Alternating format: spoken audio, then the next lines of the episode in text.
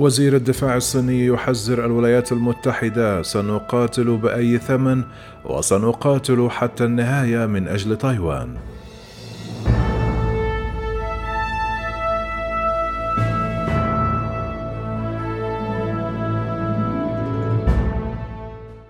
تعهد وزير الدفاع الصيني في خطاب ألقاه وسط نظرائه من الدول الأخرى بما في ذلك الولايات المتحدة الأمريكية بأن الصين ستكافح حتى النهاية لمنع تايوان من إعلان استقلالها. سنقاتل بأي ثمن وسنقاتل حتى النهاية. هذا هو الخيار الوحيد بالنسبة للصين كما قال وينغ فينغ في قمة حوار شنغيرلا الأمنية في سنغافورة حيث وصف تايوان بأنها تايوان الصينية أولا وقبل كل شيء. أولئك الذين يسعون إلى استقلال تايوان في محاولة لتقسيم الصين لن يصلوا بالتأكيد إلى نهاية جيدة. لا ينبغي لأحد أن يقلل من تصميم وقدرة القوات المسلحة الصينية على حماية وحدة أراضيها. جاء خطاب وزير الدفاع الصيني بعد يوم من اتهام وزير الدفاع الأمريكي لويد أوستن للصين بالقيام بنشاط عسكري استفزازي ومزعزع للاستقرار بالقرب من الجزيرة.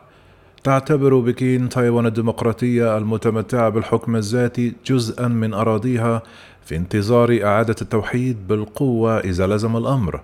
تصاعدت التوترات بين الولايات المتحدة والصين بشأن الجزيرة بسبب العدد المتزايد من الغارات الجوية الصينية على منطقة الدفاع الجوية التايوانية. كما نددت وزارة الخارجية التايوانية بادعاءات الصين بسيادتها ووصفتها بأنها سخيفة كما شكرت الولايات المتحدة على دعمها.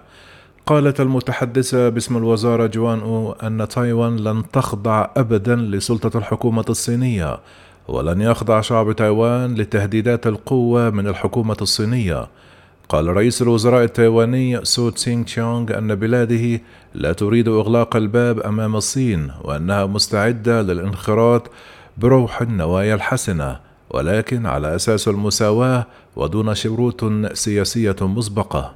قال رئيس الوزراء التنويني لطالما كانت هناك مساواة ومعاملة بالمثل ولا توجد شروط سياسية مسبقة فنحن على استعداد للمشاركة في حسن النية مع الصين مكررا الموقف الذي أدلى به رئيس تايوان تساي إنغ وونغ مرارا وتكرارا في الأماكن العامة.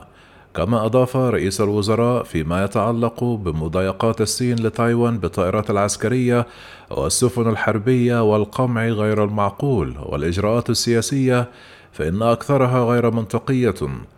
تايوان لا تريد أن تغلق الباب أمام الصين. إن الصين هي التي تحاول ذلك.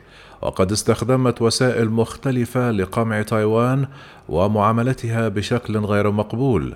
قال وزير الدفاع الصيني أن الأمر متروك للولايات المتحدة لتحسين العلاقات الثنائية. قائلا إن العلاقات تمر بمنعطف حاسم. ونطلب من الجانب الأمريكي الكف عن تلطيخ الصين واحتوائها.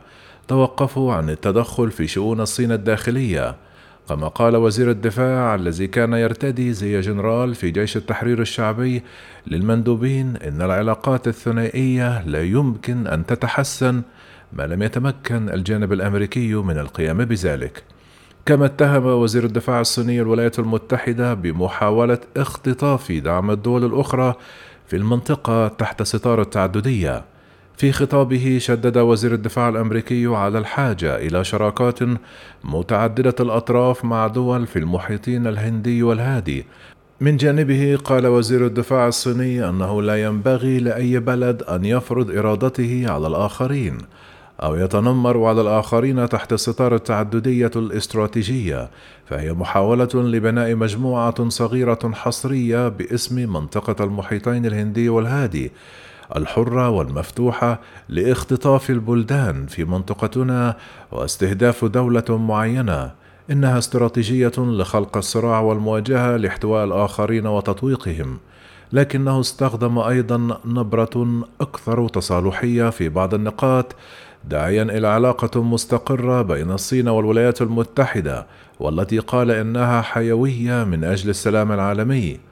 خلال خطابه قال وزير الدفاع الأمريكي لويد أويستن أيضا إنه يريد أن تظل خطوط الاتصال مع المسؤولين الصينيين مفتوحة وأجرى الثنائي أول محادثات وجها لوجه على هامش القمة في سنغافورة يوم الجمعة حيث اشتبك الاثنان حول تايوان. بدأ أن الرئيس الأمريكي جو بايدن خلال زيارته لليابان الشهر الماضي كسر عقودا من السياسة الأمريكية عندما قال ردا على سؤال أن واشنطن ستدافع عن تايوان عسكريا إذا تعرضت لهجوم من الصين. منذ ذلك الحين أصر البيت الأبيض على أن سياسة الغموض الاستراتيجي بشأن ما إذا كان سيتدخل أم لا لم تتغير. تعمل الصين على تحديث جيشها بسرعة وتسعى لتوسيع نفوذها وطموحاتها في المنطقة. قامت الصين بتوقيع اتفاقية مؤخرة أمنية مع جزر سليمان. ويخشى الكثيرون أن تؤدي إلى إنشاء قاعدة بحرية صينية في المحيط الهادي. ووضعت أرضية في الأسبوع الماضي على مشروع توسيع ميناء بحري في كمبوديا يمكن أن يمنح بكين موطئ قدم في خليج تايلاند. في عام 2021 اتهم المسؤولون الأمريكيون الصين باختبار صاروخ تفوق سرعة الصوت. وهو سلاح يصعب على أنظمة الدفاع الصاروخي مواجهته لكن الصين أصرت على أنه كان اختبارا روتينيا لمركبة فضائية. ردا على سؤال حول الاختبار يوم الأحد جاء وي الأقرب حتى الآن للاعتراف بأنه صاروخ تفوق سرعته سرعة الصوت، أما بالنسبة للأسلحة التي تفوق سرعة الصوت فإن العديد من الدول تطور أسلحة، وأعتقد أنه ليس من المستغرب أن تقوم الصين بذلك، كما أضاف أن الصين ستطور جيشها، وأعتقد أنه أمر طبيعي.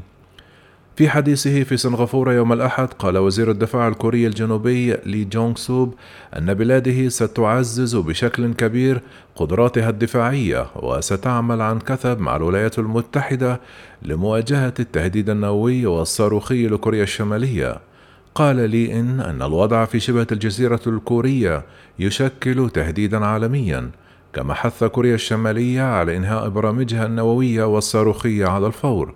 كما صرح وزير الدفاع الكوري على أن حكومته ستعزز القدرات من أجل تنفيذ الردع الأمريكي الموسع بشكل أفضل وستعززه بشكل كبير من حيث القدرات الاستجابية.